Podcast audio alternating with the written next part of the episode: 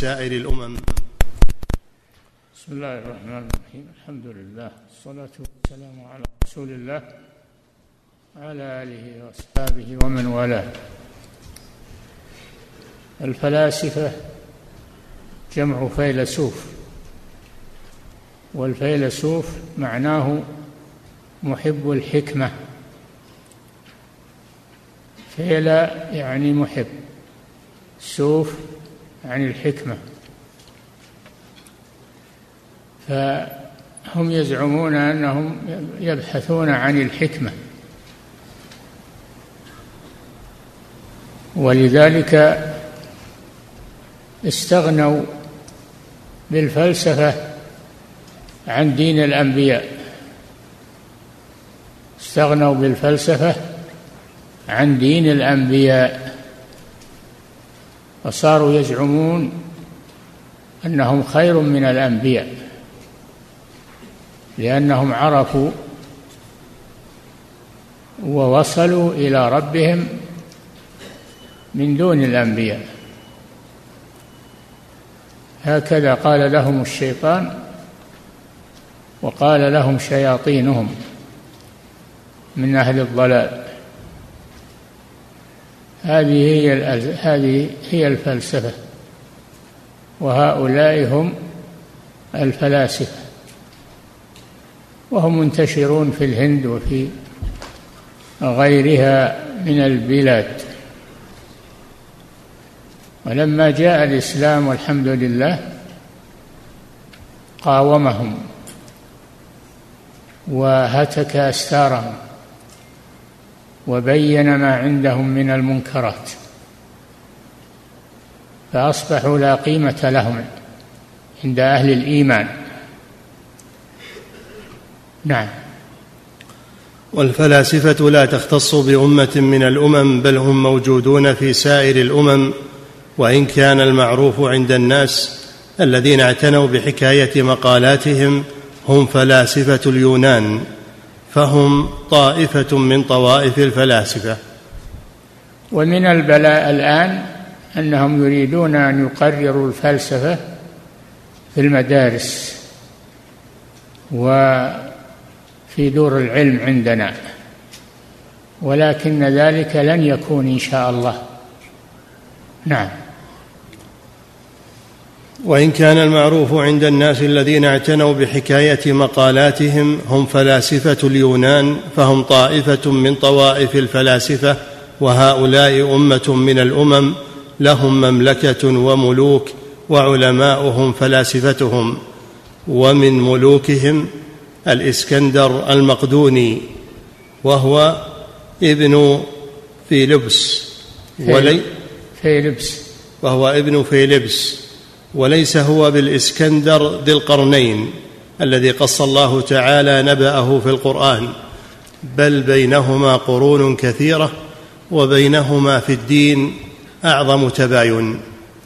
الإسكندر المقدوني هذا هو كبير الفلاسفة. الفلا... الإسكندر المقدوني هو كبير الفلاسفة. وأما الإسكندر آه الذي هو ذو القرنين فهذا مسلم. ومن الدعاة إلى الله ملك ملك عادل وملك مسلم. قص الله خبره في القرآن العظيم وتجوله في المشرق والمغرب يدعو إلى الله عز وجل. نعم. بل بينهما قرون كثيرة وبينهما في الدين أعظم تباين فذو القرنين كان رجلا صالحا موحدا لله تعالى يؤمن بالله تعالى وملائكته وكتبه ورسله واليوم الآخر وكان يغزو عباد الأصنام وبلغ مشارق الأرض ومغاربها وبنى السد بين الناس وبين ياجوج وماجوج. نعم. هو, هو الذي بنى السد بين ياجوج وماجوج. وهؤلاء قوم أهل فساد وأهل بأس وانتقام فطلبوا منه أن يبني بينهم وبينهم سدا. يمنعهم من أذية المسلمين والخروج على المسلمين. قالوا إن يأجوج ومأجوج مفسدون في الأرض فهل نجعل لك خرجا يعني إعانة ومالا تجعل بيننا وبينهم سدا. قال ما مكني فيه ربي خير فأعينوني بقوة. أجعل بينكم وبينهم ردما. آتوني زبر الحديد. فلما ساوى بين الصدفين يعني بين الجبلين بزبر الحديد قال انفخوا انفخوا النار عليها. فنفخوا عليها فاشتعلت نارا وأذابت الحديد. أذابت الحديد. حتى سد ما بين الجبلين وكانت وكان هذا السد أملس. لا يستطيعون الصعود عليه ولا يستطيعون نقبه وخرقه. قال هذا رحمة من ربي.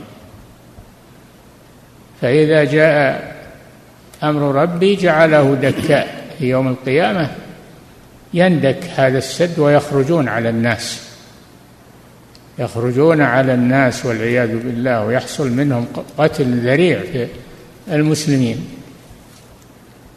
حتى إن المسلمين في وقته يتحصنون يتحصنون منهم ولا يخرج من المسلمين أحد. يتحصنون منهم لأنهم يقتلون من ظفروا به. ثم إن الله جل وعلا يسلط عليهم النغف وهو آه النغف آه اللي سمى السراوه سرو في أعناقهم. فماتوا عن آخرهم وخرج المسلمون من حصارهم خرج المسلمون من حصارهم. وراح الله المسلمين منهم. نعم. وأما, وأما هذا المقدوني فكان مشركا يعبد الأصنام هو وأهل مملكته وكان بينه وبين المسيح نحو ألف سنة وستمائة سنة والنصارى تؤرخ له. وكان تؤرخ لهذا لهذا الفاسد. نعم. وكان أرسطا يعني يعتبرونه من الحوادث لأن من عادة الأمم أنها تؤرخ بالحوادث التي تمر عليها ومن أعظم الحوادث وجود هذا الملك الفاجر. نعم. وكان أرسطاطاليس وزيره. أرسطاطاليس وكان أرسطاطاليس وزيره وكان مشركا. أرسطو أرسطو هذا أرسطو المعروف وكان وزيرا لهذا الملك الفاجر. نعم. وكان أرسطاطاليس وزيره وكان مشركا يعبد الأصنام وهو الذي غزا دار ابن دار ملك الفرس في عقر داره ففل عرشه ومزق ملكه وفرق جمعه ثم دخل إلى الصين والهند وبلاد الترك فقتل وسبى. وك نعم. وكان هذا الملك الفاجر صار معه قوة. فغزا بلاد الصين قتل ملكهم. وآذى المسلمين. أشد الأذى. نعم. وكان لليونانيين في دولته عز وسطوة.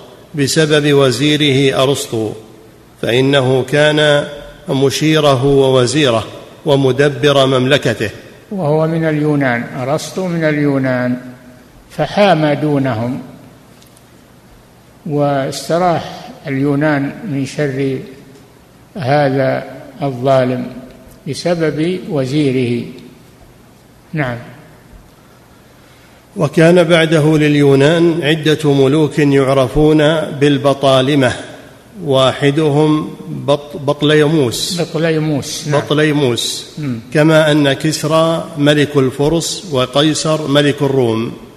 نعم كانت لليونان حضارة وكانت لهم آه، مملكة كانت لهم وكان لهم فلسفة. هي التي هي التي سرت في الناس فلسفة اليونان إلى أن جاء الله بالإسلام فقاومها وأبطلها. والآن في من ينادي بتقرير الفلسفة في المدارس. ولكن نرجو أن لا يتم هذا. نعم. ثم غلبهم الروم واستولوا على ممالكهم فصاروا رعية لهم وانقرض ملكهم فصارت المملكة للروم.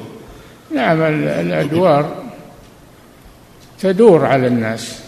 ينتصر هذا وينهزم هذا. فبعد أن كان لليونان حضارتهم وقوتهم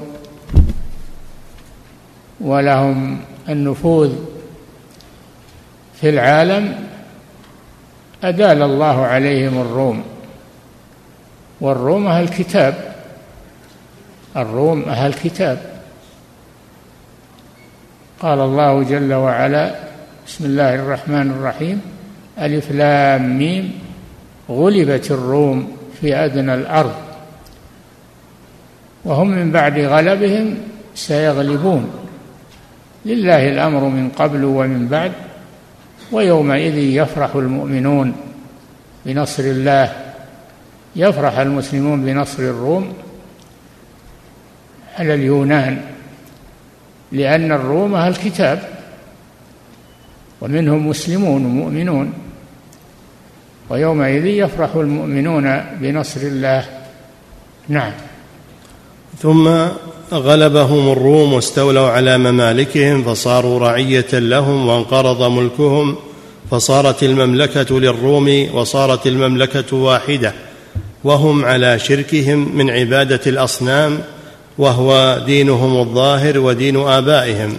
فلاسفه يعني نعم. فنشأ فيهم سقراط. أحد تلاميذ سقراط نعم. فنشأ فيهم سقراط.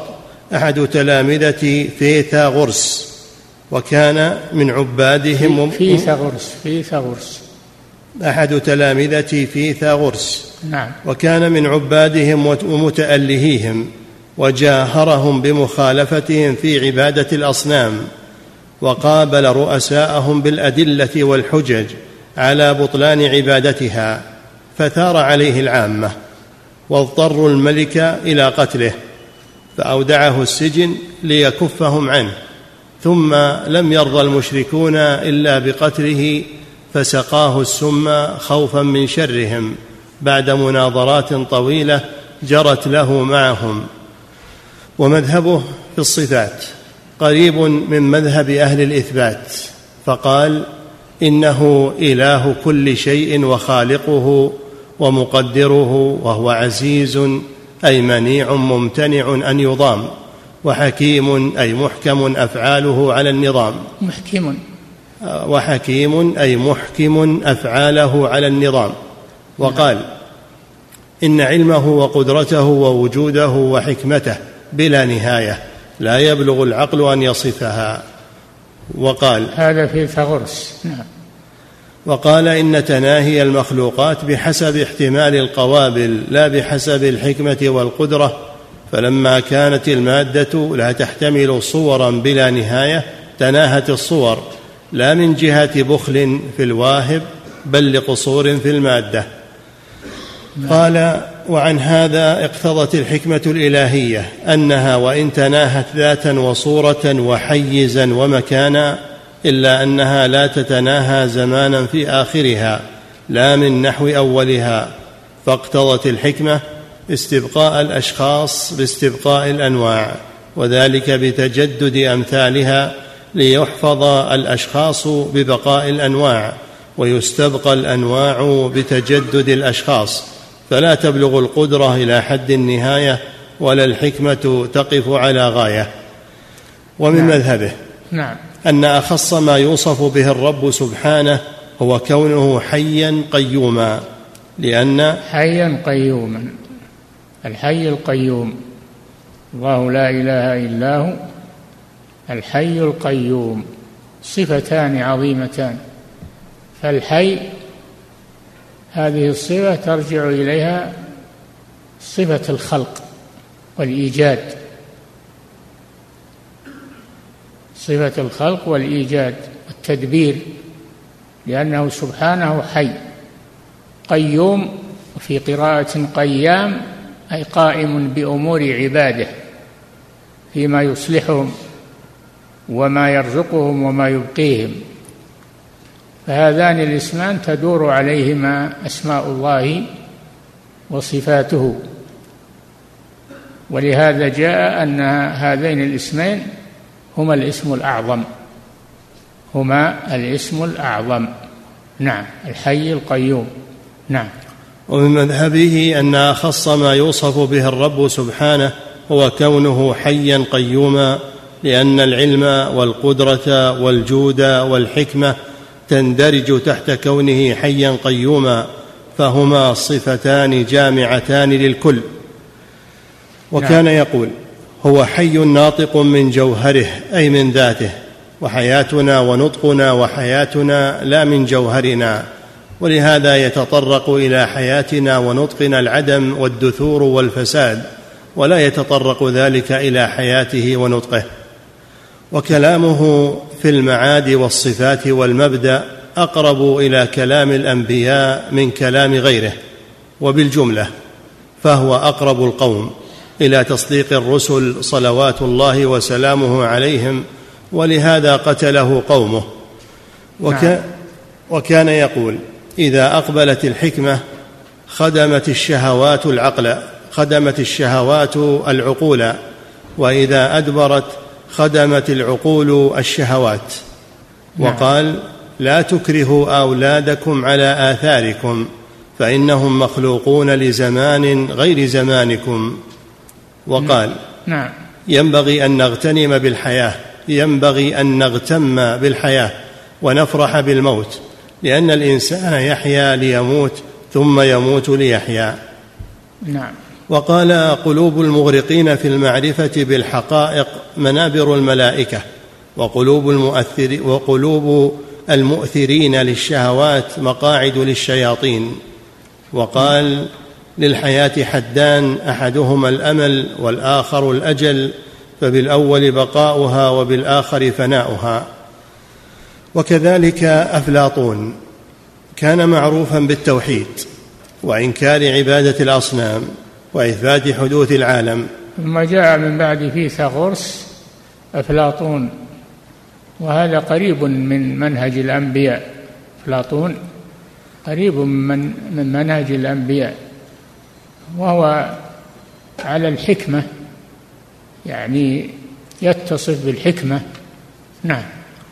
وكذلك أفلاطون كان معروفا بالتوحيد وإنكار عبادة الأصنام وإثبات حدوث العالم وكان تلميذ وكان تلميذ سقراط.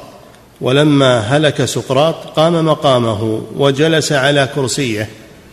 وكان يقول إن للعالم صانعا محدثا مبدعا ازليا واجبا بذاته عالما بجميع المعلومات.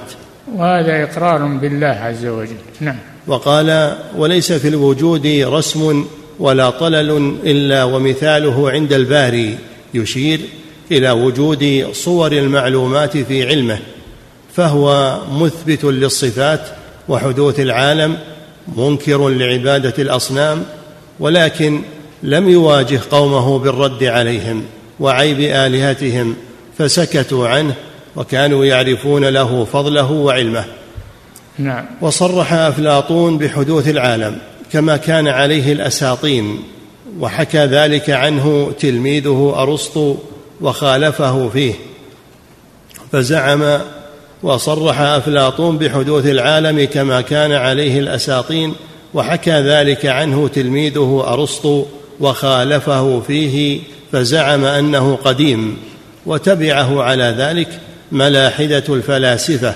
من المنتسبين إلى الملل وغيرهم حتى انتهت النوبة إلى أبي علي بن سينا فرام بجهده تقريب هذا الرأي من قول أهل الملل وهيهات. وابن سينا هذا ملحد ابن سينا هذا ملحد ولكنه متضلع في علم الحكمة والعلوم التي في وقته. متضلع فيها وإلا فهو ملحد. نعم. حتى انتهت النوبة إلى أبي علي بن سينا فرام بجهده تقريب هذا الرأي من قول أهل الملل وهيهات اتفاق النقيضين واجتماع الضدين. فرسل الله تعالى فرسل الله تعالى وكتبه وأتباع الرسل في طرف وهؤلاء القوم في طرف. وكان ابن سينا كما أخبر عن نفسه قال أنا وأبي من أهل دعوة الحاكم فكان من القرامطة الباطنية الذين لا يؤمنون بمبدأ ولا معاد ولا رب خالق ولا رسول مبعوث جاء من عند الله تعالى. هذا دين ابن سينا. ليس له دين إنما هو ملحد. نعم. وكان هؤلاء زنادقة يتسترون بالرفض ويبطنون الإلحاد المحض. وهو مشهور بعلم الطب ابن سينا مشهور بعلم الطب. نعم. وكان هؤلاء زنادقة يتسترون بالرفض ويبطنون الإلحاد المحض وينتسبون إلى أهل بيت الرسول صلى الله عليه وسلم وهو وأهل بيته براء منهم نسبا ودينا وكانوا يقتلون أهل العلم والإيمان ويدعون أهل الإلحاد والشرك والكفران لا يحرمون حراما ولا يحلون حلالا. وفي زمنهم ولخواصهم وضعت رسائل إخوان الصفا. إخوان الصفا هؤلاء مجموعة من الملاحدة. اجتمعوا ووضعوا رسائل في الفلسفة. تسمى رسائل إخوان الصفا وهي مشحونة بالكفر والإلحاد ويسمونها الحكمة. هذه رسائل إخوان الصفا وخلان الوفا لما خشوا من الناس في وقتهم اجتمعوا وأسروا أمرهم أخفوه وكتبوا رسائل إخوان الصفا وخلان الوفا بزعمهم. نعم. ولما انتهت النوبة إلى نصير الشرك والكفر والكفر الملحد وزير الملاحدة النصير الطوسي وزير نصير الدين هو أصله نصير الدين لكن سمي نصير الكفر وهو شيعي هو من الشيعة وكان بالغا في الإلحاد مبلغا بعيدا نعوذ بالله.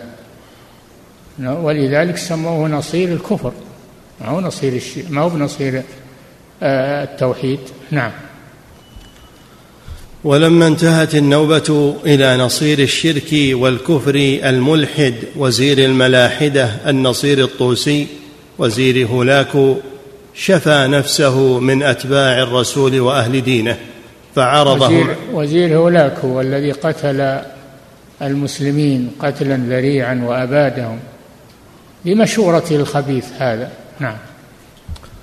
شفى نفسه من أتباع الرسول وأهل دينه فعرضهم على السيف حتى شفى إخوانه من الملاحدة واشتفى هو فقتل الخليفة والقضاة والفقهاء والمحدثين. الخليفة العباسي. آخر العباسيين. آخر العباسيين قتله هذا الخبيث. وبذلك ضاعت دولة العباسيين. نعم. وقتل الخليفة والقضاة والفقهاء والمحدثين واستبقى الفلاسفة والمنجمين والطباعيين والسحرة. ونقل أوقاف المدارس والمساجد والربط إليهم وجعلهم خاصته وأولياءه ونصر في كتبه قدم العالم وبطلان المعاد وإنكار صفات الرب جل جلاله من علمه وقدرته وحياته وسمعه وبصره. وأنه لا داخل العالم ولا خارجه وليس فوق العرش إله يعبد البتة. هذا دين نصير الدين الطوسي. نعم. واتخذ للملاحدة الكفر. نعم. واتخذ للملاحدة مدارس ورام جعل إشارات إمام الملحدين ابن سينا مكان القرآن. نعم ابن سينا له كتاب اسمه الإشارات في الفلسفة. الملحدة. رام هذا الخبيث أن يجعله محل القرآن ويلزم الناس بدراسته والعمل به. نعم. ورام جعل إشارات إمام الملحدين ابن سينا مكان القرآن فلم يقدر على ذلك. فقال هي قرآن الخواص وذاك قرآن العوام.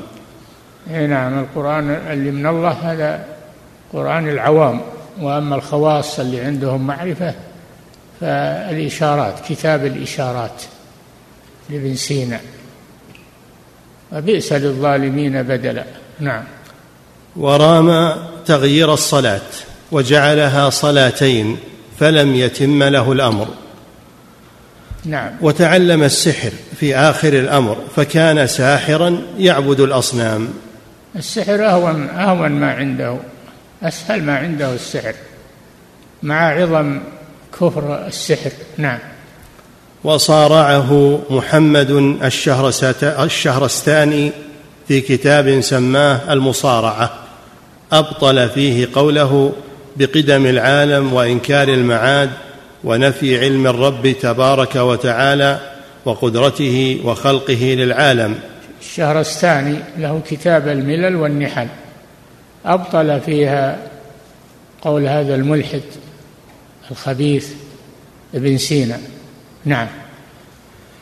فقام له نصير الإلحاد وقعد ونقضه بكتاب سماه مصارعة المصارع ووقفنا على الكتابين. نصر فيه أن الله تعالى لم يخلق السماوات والأرض في ستة أيام وأنه لا يعلم شيئا. وأنه لا يفعل بقدرته واختياره ولا يبعث من في القبور وبالجملة فكان هذا الملحد هو وأتباعه من الملحدين الكافرين بالله وملائكته وكتبه ورسله واليوم الآخر والفلسفة نعم.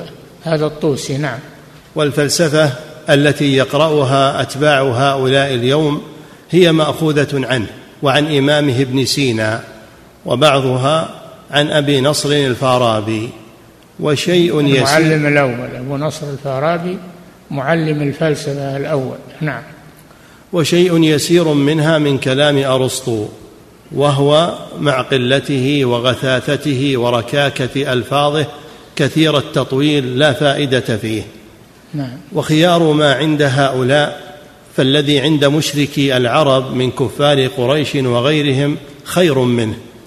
فإنهم لأن كفار قريش يؤمنون بتوحيد الربوبية ويعني يؤمنون أن الله هو الخالق الرازق المحيي المميت المدبر. أما هؤلاء فينكرون ذلك ويقولون إن الطبيعة هي التي توجد هذه الأشياء. نعم. وخيار ما عند هؤلاء فالذي عند مشرك العرب من كفار قريش وغيرهم خير منه.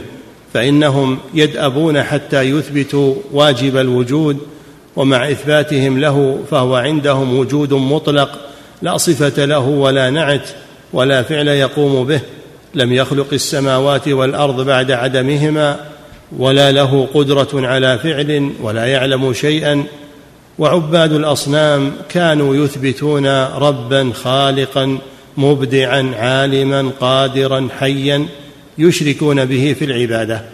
إنما يشركون به في العبادة أما توحيد الربوبية فهم مقرون أنه لا خالق ولا رازق ولا يحيي ولا يميت إلا الله سبحانه وتعالى. نعم. فنهاية أمر هؤلاء الوصول إلى شيء برز عليهم فيه عباد الأصنام وهم فرق شتى لا يحصيهم إلا الله عز وجل وأحصى وهكذا الباطل. الباطل لا نهاية له يتقسم ويتنوع لأنه خاضع للأفكار. كل له فكر وكل له ولا يتبعون الأنبياء ولا يتبعون الوحي المنزل. نعم. وهم فرق شتى لا يحصيهم إلا الله عز وجل وأحصى المعتنون بمقالات الناس منهم اثنتي عشرة فرقة. كل فرقة منها مختلفة اختلافا كثيرا فمنهم أصحاب الرواق واصحاب وأصحاب الظلة والمشاؤون وهم شيعة أرسطو وفلسفتهم هي الدائرة اليوم بين الناس وهي التي يحكيها ابن سينا والفارابي وابن الخطيب وغيرهم. ومنهم الفيثاغورية. الرازي ابن الخطيب هو الرازي. نعم. ومنهم الفيثاغورية والأفلاطونية ولا تكاد تجد منهم اثنين متفقين على رأي واحد. ولا تكاد تجد منهم اثنين متفقين على رأي واحد. نعم. بل قد تلاعب بهم الشيطان كتلاعب الصبيان بالكرة. ومقالاتهم أكثر من أن نذكرها على التفصيل وبالجملة فملاحدتهم هم أهل التعطيل المحض. فإنهم عطلوا الشرائع وعطلوا المصنوع عن الصانع وعطلوا الصانع عن صفات كماله وعطلوا العالم عن الحق الذي خلقه له ربه وعطلوا العالم عن الحق الذي خلقه له ربه فعطلوه عن مبدئه ومعاده وعن فاعله وغايته ثم سرى هذا الداء منهم في الأمم وفي فرق المعطلة فكان منهم إمام المعطلين فرعون فإنه أخرج التعطيل إلى العمل فصرح به وأذن بين وأذن به بين قومه ودعا إليه وأنكر أن يكون إله غيره. نعم أنا قال فرعون أنا ربكم الأعلى. أنا ربكم الأعلى. هذا أشد الكفر والعياذ بالله. ادعى الربوبية. نعم.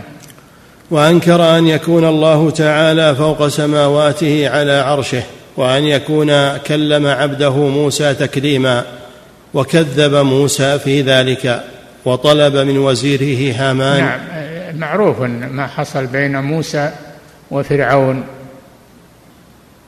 معلوم ما حصل بين موسى وفرعون من المشادة ومن ما حاول فيه أن يقتل موسى.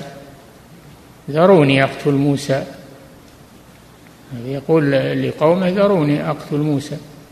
إني أخاف أن يبدل دينكم أو أن يظهر في الأرض الفساد. موسى يظهر في الأرض الفساد وفرعون يظهر فيها الصلاح. هذا انتكاس الفطر. نعم. لكن ماذا قال موسى لقومه عليه الصلاة والسلام؟ وقال موسى لقومه استعينوا بالله واصبروا إن الأرض لله يورثها من يشاء من عباده والعاقبة للمتقين.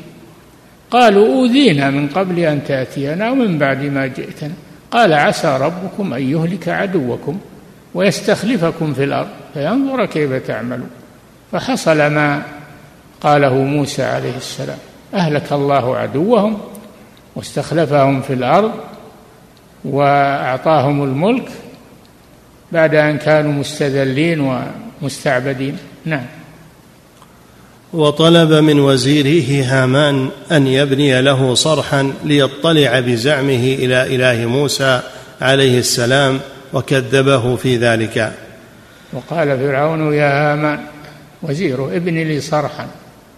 صرحا يعني مرتفعا بنية مرتفعة.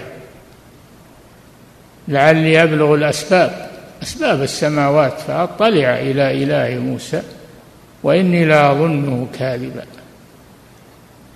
يبني بناء يصل إلى السماء ويرجع للسماء ويبحث عن إله موسى. هذا كذب لكنه يريد الانتصار لنفسه والترويج على قومه. نعم. فاقتدى به كل جهمي مكذب. أن يكون نعم الجهمية على مذهب فرعون. الجهمية هذه الفرقة المارقة على مذهب فرعون. ينكرون الصفات. ينكرون الأسماء والصفات. فهم على مذهب فرعون. نعم. فاقتدى به كل جهمي مكذب. أن يكون الله مكلما متكلما أو أن يكون فوق سماواته على عرشه بائنا من خلقه.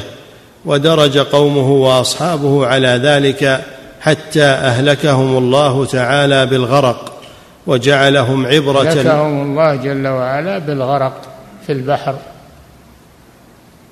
ذلك أن بني إسرائيل أن موسى خرج ببني إسرائيل. خرج ببني إسرائيل من مصر فرارا بدينهم فلحق بهم فرعون وقومه حتى وصلوا إلى البحر. فصار المسلمون أمامهم البحر وخلفهم العدو وخلفهم العدو. وقالوا إنا لمدركون قالوا لموسى إنا لمدركون. البحر أمامنا والعدو خلفنا. فماذا قال موسى؟ قال كلا إن معي ربي سيهدين.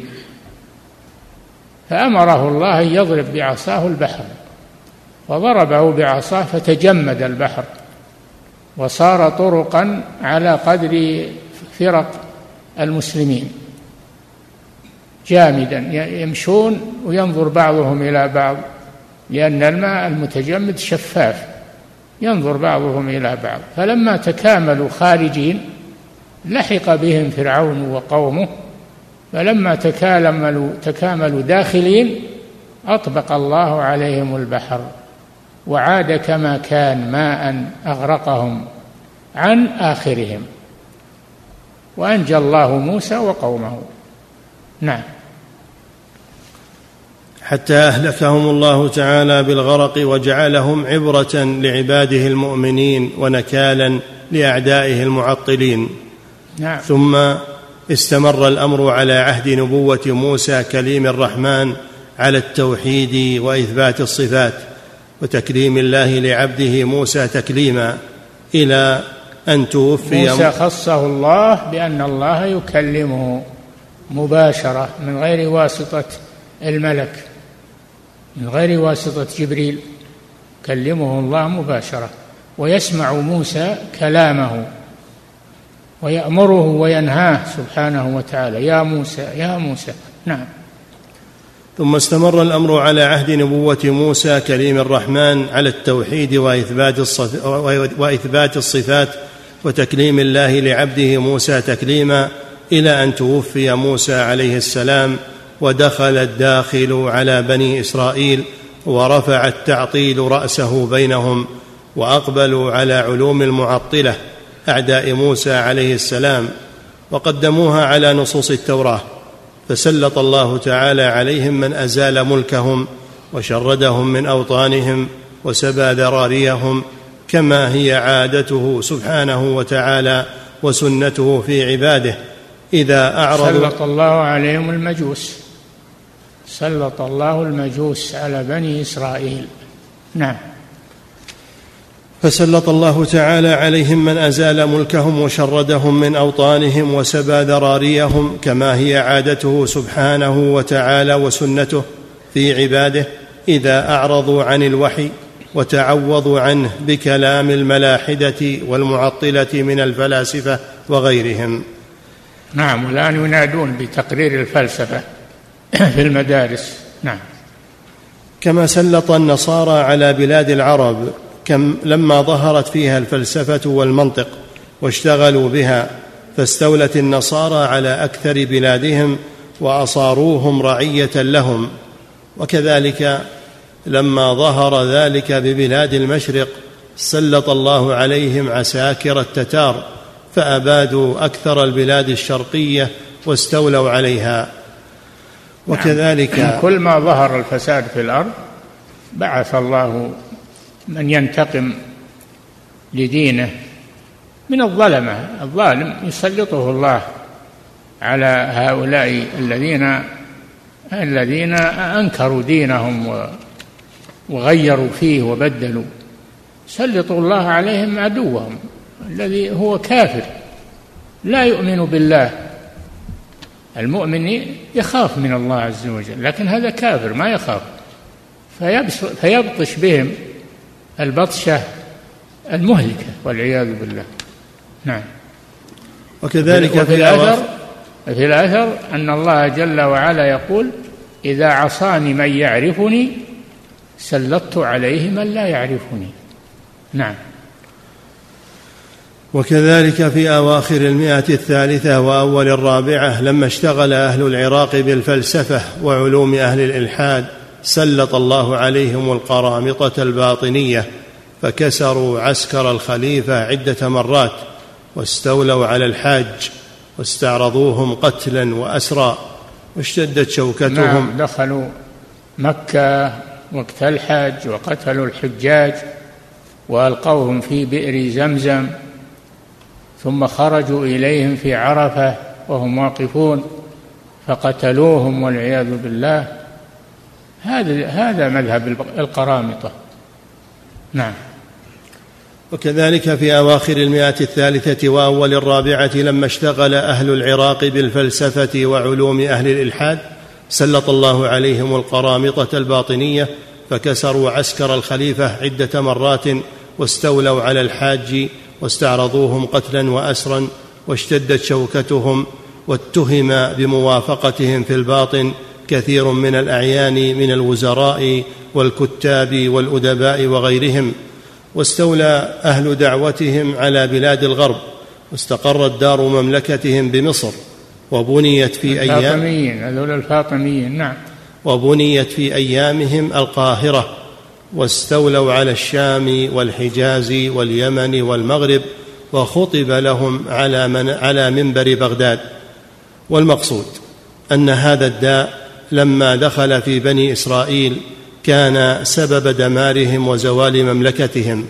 ثم بعث الله سبحانه عبده ورسوله وكلمته المسيح ابن مريم صلوات الله وسلامه عليه فجدد لهم الدين وبين لهم معالمه ودعاهم إلى عباده الله وحده والتبري من تلك الاحداث والاراء الباطله فعادوه وكذبوه ورموا ورموه وامه بالعظائم وراموا قتله فطهره الله تعالى منهم ورفعه اليه فلم يصلوا اليه بسوء نعم. وأقام الله تعالى للمسيح انصارا دعوا إلى دينه وشريعته حتى ظهر دينه على من خالفه ودخل فيه الملوك وانتشرت دعوته واستقام الأمر على السداد بعده نحو ثلاثمائة سنة.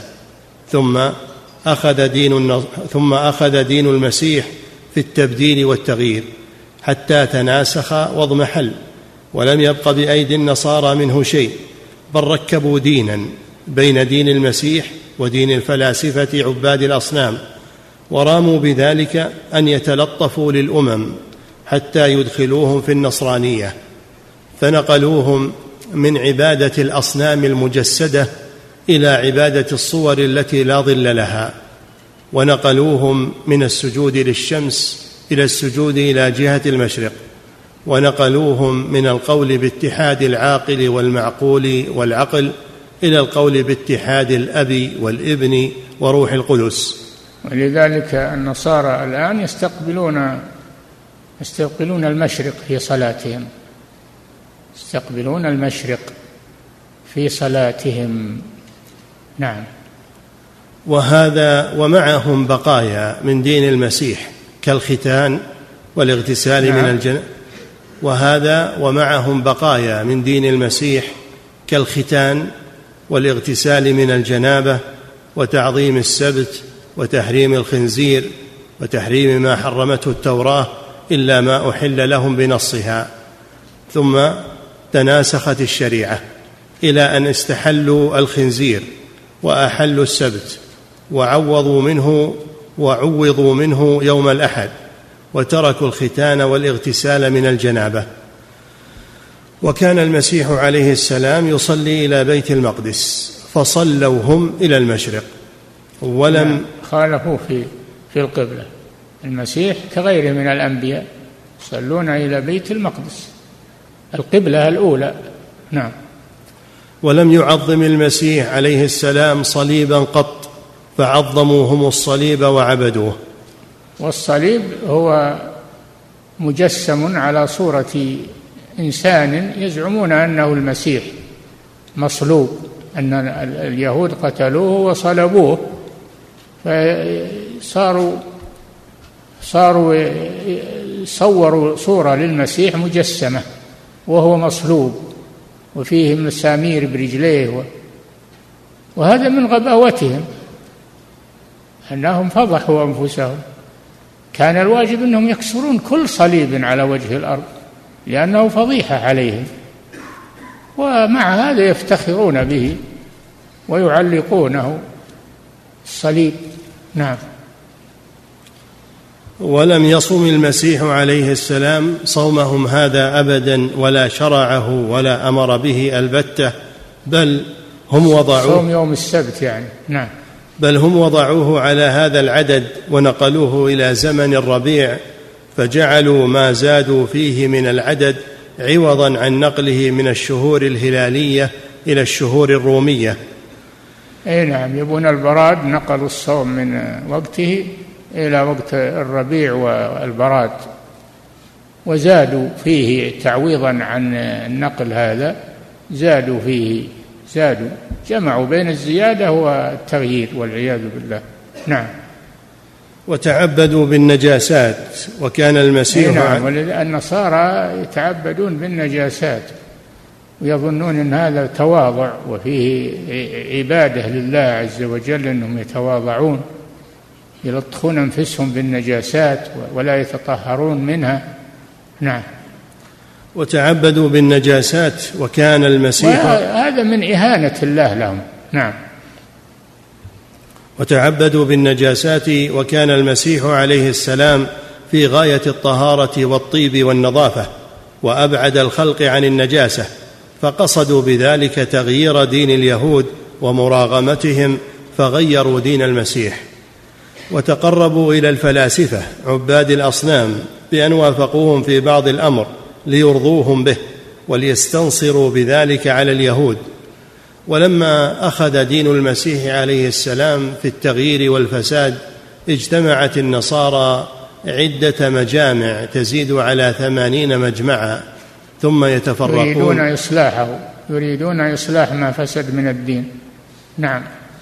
ولما أخذ دين المسيح عليه السلام في التغيير والفساد اجتمعت النصارى عدة مجامع تزيد على ثمانين مجمعا ثم يتفرقون على الاختلاف والتلاعن. يلعن بعضهم بعضا. يلعن بعضهم بعضا حتى قال فيهم بعض العقلاء لو اجتمع عشرة من النصارى يتكلمون في حقيقة ما هم عليه لتفرقوا عن أحد عشر مذهبا. نعم. حتى جمعهم قسطنطين الملك آخر ذلك من الجزائر والبلاد وسائر الأقطار فجمع كل بترك وأسقف وأسقف وعالم. نعم. آخر ذلك. حتى جمعهم قسطنطين الملك آخر ذلك من الجزائر والبلاد من الجزائر يعني الجزر ما هي بالجزائر البلد المعروفة الجزر نعم.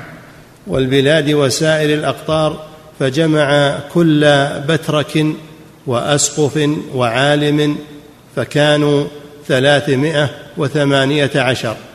فقال أنتم اليوم علماء النصرانية وأكابر النصارى فاتفقوا على أمر تجتمعون تجتمع عليه كلمة النصرانية. ومن خالفها لعنتموه وحرمتموه. فقاموا وقعدوا وفكروا وقدروا واتفقوا على وضع الأمانة التي بأيديهم اليوم. وكان ذلك بمدينة نقنية أو نقية سنة خمس عشره من ملك قسطنطين. وكان أحد أسباب ذلك أن بطريق الإسكندرية منع أيروس منع أريوس من دخول الكنيسة ولعنه فخرج أريوس إلى قسطنطين الملك مستعديا عليه ومعه أسقفان فشكوا إليه وطلبوا مناظرته بين يدي الملك فاستحضره الملك وقال لأريوس اشرح مقالتك. فقال أريوس أقول إن الأب كان إذ لم يكن الابن ثم أحدث الابن فكان كلمة إن الأب يعني الله جل وعلا. نعم. فقال أريوس أقول إن الأب كان إذا كان إذ لم يكن الإبن ثم أحدث الإبن فكان كلمة له إلا أنه محدث مخلوق ثم فوض الأمر إلى ذلك الإبن المسمى كلمة فكان هو خالق السماوات والأرض وما بينهما كما قال في إنجيله إذ يقول وهب لي سلطانا على السماوات والأرض وهب لي سلطانا على السماوات والأرض فكان هو الخالق لهما بما أعطي من ذلك. ثم إن تلك الكلمة بعد ثم إن تلك الكلمة بعد اتحدت من مريم العذراء ومن روح القدس فصار ذلك مسيحا واحدا فالمسيح الآن معنيان كلمة وجسد إلا أنهما جميعان إلا أنهما جميعا المسيح كلمة سمي كلمة لأنه لأنه وجد بكلمة قوله كن. بقوله كن. كلمة. فسمي كلمة الله. ليس له أب وإنما خلق بكلمة. فسمي كلمة الله. نعم. فالمسيح الآن معنيان كلمة وجسد إلا أنهما جميعا مخلوقان فقال بطريق الإسكندرية حبريا أيما أوجب علينا عندك عبادة من خلقنا أو عبادة من لم يخلقنا؟ فقال أريوس بل عبادة من خلقنا. فقال فعبادة الإبن الذي خلقنا وهو مخلوق أوجب من عبادة الأب الذي ليس بمخلوق. بل تصير عبادة الأب الخالق كفرا وعبادة الابن المخلوق ايمانا فاستحسن الملك والحاضرون مقالته وأمرهم الملك أن يلعنوا أريوس وكل من يقول مقالته. فلما انتصر البطريق قال للملك استحضر البطارقة والأساقفة حتى يكون لنا مجمع ونصنع قصة نشرح فيها الدين ونوضحه للناس. فحشرهم قسطنطين من سائر الآفاق فاجتمع عنده بعد سنة وشهرين ألفان وثماني وثمانية وأربعون أسقفا وكانوا مختلفي الآراء متباينين في أديانهم فلما اجتمعوا كثر اللغط بينهم وارتفعت الأصوات وعظم الاختلاف فتعجب الملك من شدة اختلافهم فأجرى عليهم الأنزال وأمرهم أن يتناظروا حتى يعلم الدين الصحيح مع من منهم. فطالت المناظرة بينهم فاتفق منهم ثلاثمائة وثمانية عشر أسقفا على رأي واحد. فناظروا بقية الأساقفة فظهروا عليهم فعقد الملك لهؤلاء الثلاثمائة وثمانية عشر مجلسا خاصا وجلس في وسطه. وأخذ خاتمه وسيفه وقضيبه فدفعه إليهم وقال لهم قد سلطتكم على المملكة فاصنعوا ما بدا لكم مما فيه قوام دينكم وصلاح أمتكم فباركوا عليه وقلدوه سيفه وقالوا له أظهر دين النصرانية وذب عنه ودفعوا إليه الأمانة التي اتفقوا على وضعها فلا يكون عندهم نصرانيا من لم يقر من لم يقر بها ولا يتم لهم قربان إلا بها وهي هذه نؤمن بالله الواحد الأب مالك كل شيء صانع ما نرى وما لا نرى وبالرب الواحد يسوع المسيح ابن, ابن الله الواحد آه، بكر الخلائق كلها الذي ولد من أبيه قبل العوالم كلها وليس بمصنوع إله حق من إله حق من جوهر أبيه الذي بيده أتقنت العوالم وخلق كل شيء الذي من أجلنا معشر الناس ومن أجل خلاصنا نزل من السماء وتجسد من روح القدس وصار إنسانا. ولذلك يسمون عيسى بالمخلص لأنه نزل من السماء وخلصهم من الخلاف الذي هم فيه بزعمه. يسمونه المخلص. نعم. ومن أجل خلاصنا نزل من السماء وتجسد من روح القدس وصار إنسانا وحمل روح القدس يعني جبريل. نعم. وحمل وصار إنسانا وحمل به ثم ولد من مريم البتول وألم وشج وقتل وصلب ودفن وقام في اليوم الثالث وصعد إلى السماء وجلس عن يمين أبيه. وهو اللي يسمونه كنيسة القيامة في فلسطين. يزعمون أن المسيح قام من قبره قام حيا من قبره وصعد إلى السماء. يسمونها كنيسة القيامة. نعم. وقام في كله من الكذب والافتراء. نعم. وقام في اليوم الثالث وصعد إلى السماء وجلس عن يمين أبيه وهو مستعد للمجيء تارة أخرى. للقضاء بين الأموات نعم، والأحياء. نعم المجيء ينزل عليه السلام آخر الزمان. ينزل آخر الزمان ويحكم بدين الإسلام ويكون مجددا لدين محمد صلى الله عليه وسلم. نعم. فهو آخر المجددين. نعم. وهو مستعد للمجيء تارة أخرى للقضاء بين الأموات والأحياء. ونؤمن بروح القدس الواحد وروح الحق روح الحق الذي يخرج من أبيه روح محبته وبمعمودية واحدة لغفران الخطايا وبجماعة واحدة قديسية جائلقية وبقيامة أبداننا والحياة الدائمة إلى أبد الأبدين. فهذا العقد الذي أجمع عليه الملكية أو الملكية والنسطورية واليعقوبية. وهذه فرق من النصارى نعم. وهذه الأمانة التي ألفها أولئك البتاركة والأساقفة والعلماء وجعلوها شعار النصرانية وكان رؤساء هذا المجمع بترك الإسكندرية بترك الإسكندرية وبترك أنطاكية وبترك بيت المقدس فافترقوا عليها وعلى لعن من خالفها والتبرؤ منه وتكفيره. ثم ذهب أريوس يدعو إلى مقالته وينفر النصارى. ثم ذهب أريوس يدعو إلى مقالته وينفر النصارى عن أولئك الثلاثمائة والثمانية عشر. فجمع جمعا عظيما وصاروا إلى بيت المقدس وخالف كثير من النصارى لأولئك المجمع. فلما اجتمعوا قال أريوس إن أولئك النفر تعدوا, تعدوا علي وظلموني ولم ينصفوني في الحجاج وحرموني ظلما وعدوانا ووافقه كثير من الذين معه وقالوا صدق فوثبوا عليه فضربوه حتى كاد أن يقتل لولا ابن أخت الملك خلصه وافترقوا على هذه الحال ثم كان لهم مجمع ثالث بعد ثمان وخمسين سنة من المجمع الأول اجتمع الوزراء والقواد إلى الملك وقالوا إن مقالة الناس قد فسدت وغلب عليهم مقالة أريوس فاكتب إلى جميع البتاركة والأساقفة أن يجتمعوا ويوضحوا دين النصرانية.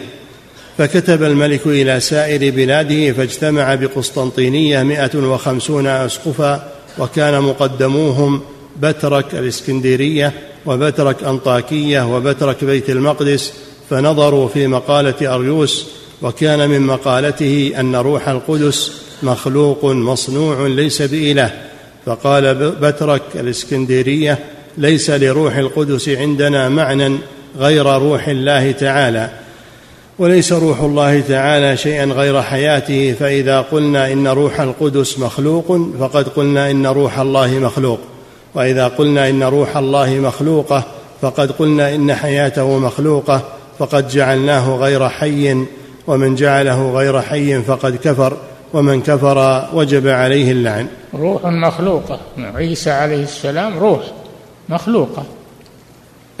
بنفخة جبريل عليه السلام. بأمر الله نفخ في جيب درع مريم فوصلت النفخة إلى فرجها فحملت. فنفخنا فيها من روحنا. وفي آية أخرى فنفخنا فيه يعني في فرجها من روحنا يعني من جبريل عليه السلام. فهو نفخة جبريل عليه السلام. وصلت إلى فرج أمه فحملت به. لذلك يسمى روح الله ويسمى كلمة الله. نعم. فلعنوا بأجمعهم أريوس وأشياعه وأتباعه والبتاركة الذين قالوا بمقالته وبينوا أن روح القدس خالق غير مخلوق إله حق وأن طبيعة الأب والابن جوهر واحد وطبيعة واحدة وزادوا في الأمانة التي وضعها الثلاثمائة والثمانية عشر ثمانية عشر. قالوا ونؤمن بروح القدس الرب المحيي الذي من الأب المنبثق الذي مع الابن والأب وهو مسجود وهو مسجود وممجد وكانوا في الأمانة الأولى وبروح القدس فقط وبينوا أن الأب والابن وروح القدس ثلاثة أقانيم وثلاثة وجوه وثلاثة خواص وحدة في وحدة في تثليث وتثليث في وحدة وزادوا ونقصوا في الشريعة. وأطلق بترك الإسكندرية للرهبان والاساقفه يقول واحد منهم من هؤلاء علمائهم يقول أنا في حيرة من من قولهم ثلاثة الآلهة ثلاثة في واحد واحد في ثلاثة. يقول ما تصورت هذا؟ عجزت اتصور واحد ثلاثة في واحد واحد في ثلاثة الواحد يصير ثلاثة. أو الثلاثة يصيرون واحد. هذا ما يمكن.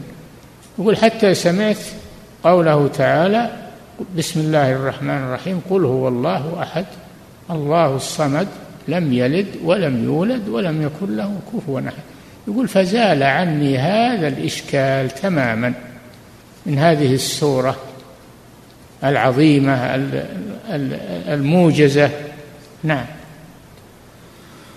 وأطلق بترك الإسكندرية للرهبان والأساقفة والبتاركة أكل اللحم وكانوا على مذهب ماني لا يرون أكل ذوات الأرواح. فانفض هذا المجمع وقد لعنوا فيه أكثر أساقفتهم وبتاركتهم ومضوا على تلك الأمانة. يستاهلون. نعم. ثم كان لهم مجمع رابع بعد إحدى وخمسين وسنة من هذا المجمع على نسطروس وكان مذهبه أن مريم ليست بوالدة الإله على الحقيقة ولكن ثمة أثنان الإله الذي هو موجود من الأب والآخر إنسان الذي هو موجود من مريم. وأن هذا الإنسان الذي نقول إن المسيح متوحد مع ابي الإله وابن الإله ليس ابنا على الحقيقة لكن على سبيل الموهبة والكرامة واتفاق الاسمين. فبلغ ذلك بتاركة سائر البلاد. فجرت بينهم مراسلات واتفقوا على تخطئته واجتمع منهم مئتا أسقف في مدينة أفسيس وأرسلوا إلى نسطورس نسطروس للمناظرة فامتنع ثلاث مرات فأوجبوا عليه الكفر فلعنوه ونفوه وحرموه وثبتوا أن مريم ولدت إلها وأن المسيح إله حق وإنسان معروف بطبيعته الاله يولد. الله جل وعلا يقول لم يلد ولم يولد ولم يكن له كفوا أحد. نعم. الإله يكون في في بطن امرأة ويخرج مع فرجها تعالى الله عن ذلك. نعم. وثبتوا أن مريم ولدت إلها وأن المسيح إله حق وإنسان معروف بطبيعتين متوحد في الأقنوم. فلما لعنوا نسطورس غضب له بترك أنطاكية فجمع أساقفته الذين قدموا معه وناظرهم فقطعهم فتقاتلوا ووقع الحرب والشر بينهم وتفاقم أمرهم فلم يزل الملك حتى أصلح بينهم. فكتب أولئك صحيفة بأن مريم القديسة ولدت إلها وهو نعم. ربنا يسوع المسيح ال- الذي هو مع أمه في الطبيعة ومع الناس في الناسوت. وأنفذوا لعن نسطورس. فلما نفي نسطورس يقولون اتحد اللاهوت بالناسوت. اللاهوت الله والناسوت مريم. نعم. فلما نفي نسطور سار إلى أرض مصر وأقام بإخميم سبع سنين ودفن بها ودرست مقالته إلى أن أحياها ابن إلى أن أحياها ابن صرم مطران نصيب نصيبين. وبثها في بلاد المشرق فأكثر نصارى العراق والمشرق نسطورية. وانفض ذلك الجمع أيضا على لعن نسطورس ومن قال بقوله وكل مجامعهم كانت تجتمع على الضلال وتفترق على اللعن فلا ينفض المجمع إلا وهم ما بين لاعن وملعون. أعوذ بالله. ثم كان لهم مجمع خامس. وذلك أنه كان بالقسطيني وأنه كان بالقسطينية. ثم نقف على هذا. نعم. إغاثة اللهفان من مصائد الشيطان. هذه مصائد الشيطان. نعم. فضيلة الشيخ وفقكم الله هذا سائل يقول هل السد سد يأجوج ومأجوج هل هو معلوم المكان؟ وهل صحيح ما يقال بأنهم هم أهل الصين؟ لا. ما هم أهل الصين؟ هذا شيء لا يعلمه إلا الله والله جل وعلا أخفاه وسيظهر في آخر الزمان. نعم. فضيلة الشيخ وفقكم الله هذا سائل يقول هل يجوز لطالب العلم الاطلاع على الحضارات السابقة وما يعبدونه؟ هل يجوز لطالب العلم أن يطلع على الحضارات السابقة وما يعبدون حتى يكون لديه خلفية تاريخية عنهم؟ لا ما يجوز هذا إلا لأهل العلم المتمكنين من أجل أن يبطلوا هذه الأمور. ما يباح هذا لكل أحد. نعم. فضيلة الشيخ وفقكم الله هذا سائل يقول أفلاطون وسقراط هل يقال بأنهم فلاسفة مسلمون موحدون وأنهم من أهل الفترة؟ لا ليسوا فلا ليسوا مسلمين. نعم فلاسفة وليسوا مسلمين. نعم. فضيلة الشيخ وفقكم الله هذا سائل يقول أعمل كمنسق للمواعيد بين الشركات والزبائن من أجل أن تبيع الشركات بعض منتجاتها على زبائن معينين بلغني أن هذه العقود لبعض الشركات فيها قروض ربوية هل يجوز لي أن أعمل هذا العمل كمنسق بينهم؟ قلنا لك يا أخي أنت جيتنا بالإفتاء وقلنا لك اكتب سؤالك هذا وقدمه للجنة الدائمة ينظرون فيه ويعطونك الجواب. نعم. فضيلة الشيخ وفقكم الله هذا سائل يقول ما حكم قضاء راتبة الظهر بعد صلاة العشاء إذا نسيها الإنسان؟ فات وقتها. سنة فات وقتها ولا تقضى. إنما تقضى الفريضة. نعم.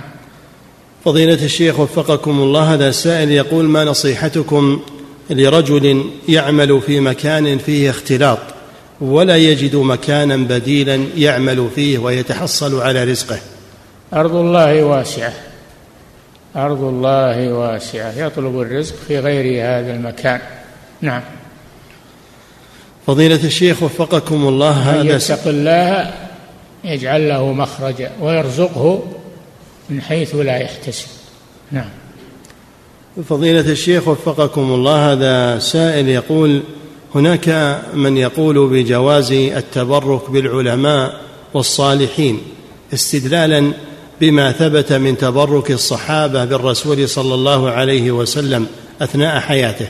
يقول كيف الجواب عن ذلك؟ الجواب عن هذا أن هذا خاص بالرسول صلى الله عليه وسلم ولا يسري إلى غيره. هذا خاص بالرسول لأنه مبارك عليه الصلاة والسلام. تبرك بشعره ويتبرك بعرقه ويتبرك بثوبه الذي يلامس بدنه. هذا خاص بالرسول صلى الله عليه وسلم.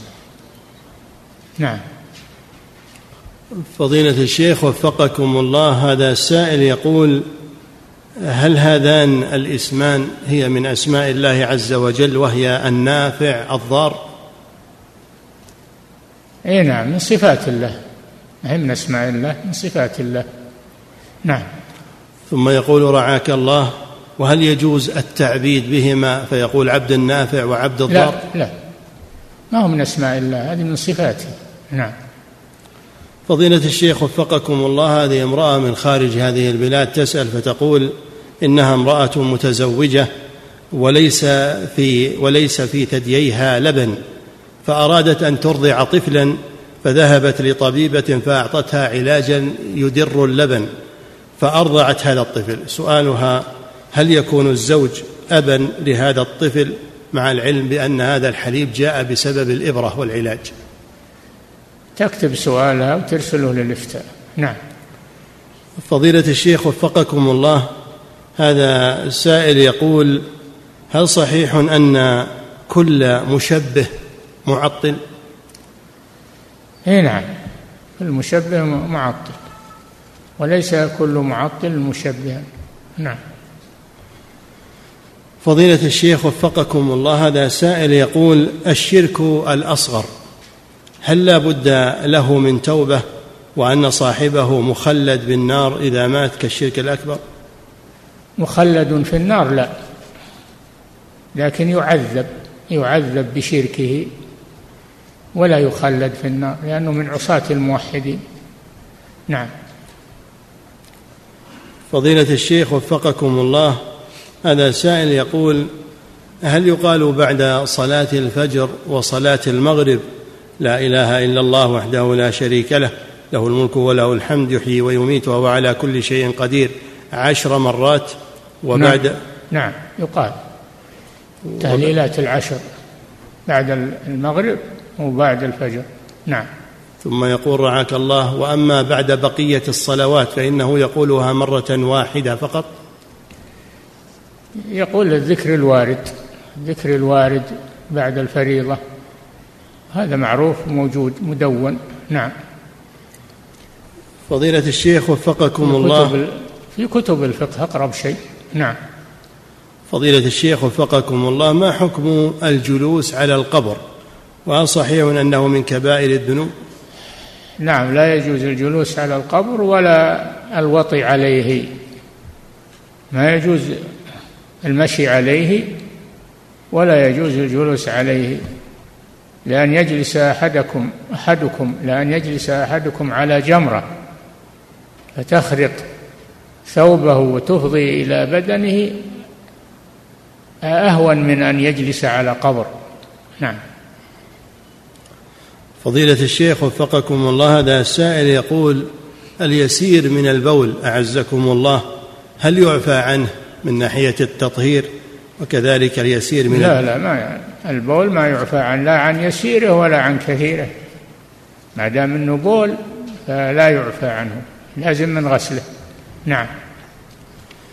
فضيلة الشيخ وفقكم الله هذا سائل يقول رجل يوسوس له الشيطان دائما بوساوس عظيمة في حق الله عز وجل.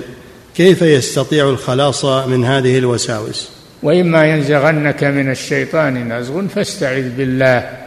استعذ بالله ويزول عنك إن شاء الله. نعم. فضيلة الشيخ وفقكم الله هذا سائل يقول البسملة هل هي آية من الفاتحة وهل يجب قراءتها في الصلاة؟ خلاف بين العلماء. المالكية يرون أنها الشافعية الشافعية يرون أنها من الفاتحة والجمهور على أنها آية مستقلة ليست من الفاتحة ولا غيرها. نعم.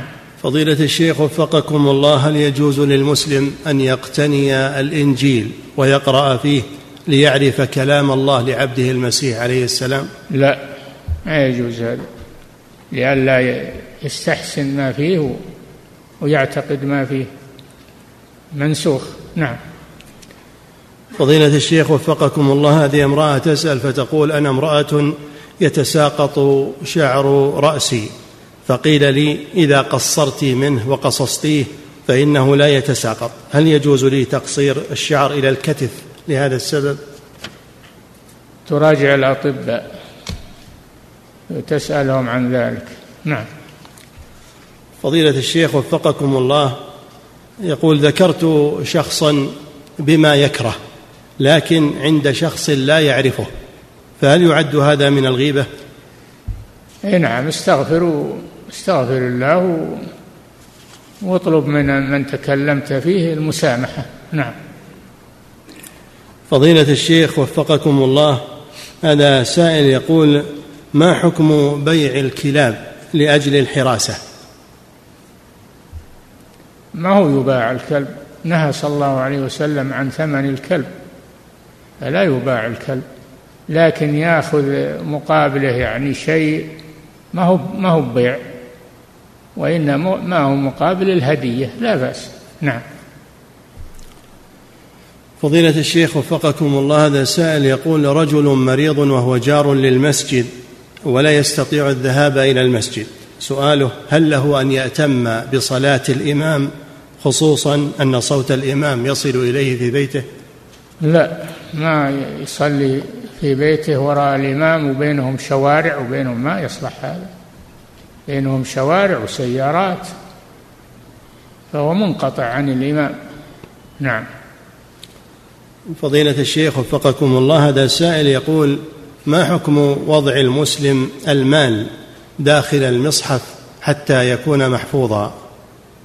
لا يجوز هذا يتخذ المصحف يعني محفظة لك يصلح. هذا نعم.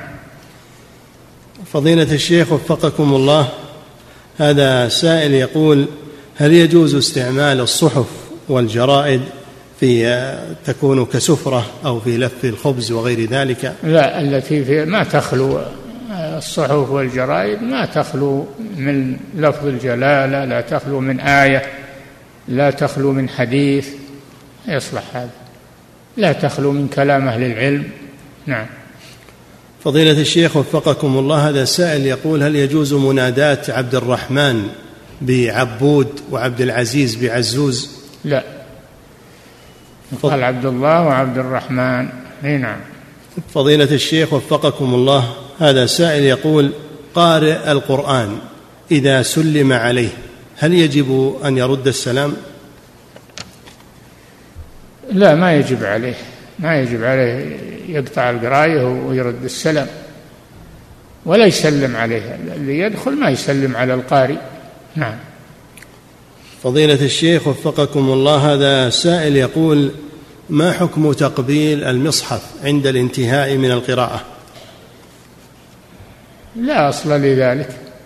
تقبيل المصحف ليس له أصل إلا عن بعض الصحابة أنه كان يقبل المصحف. نعم.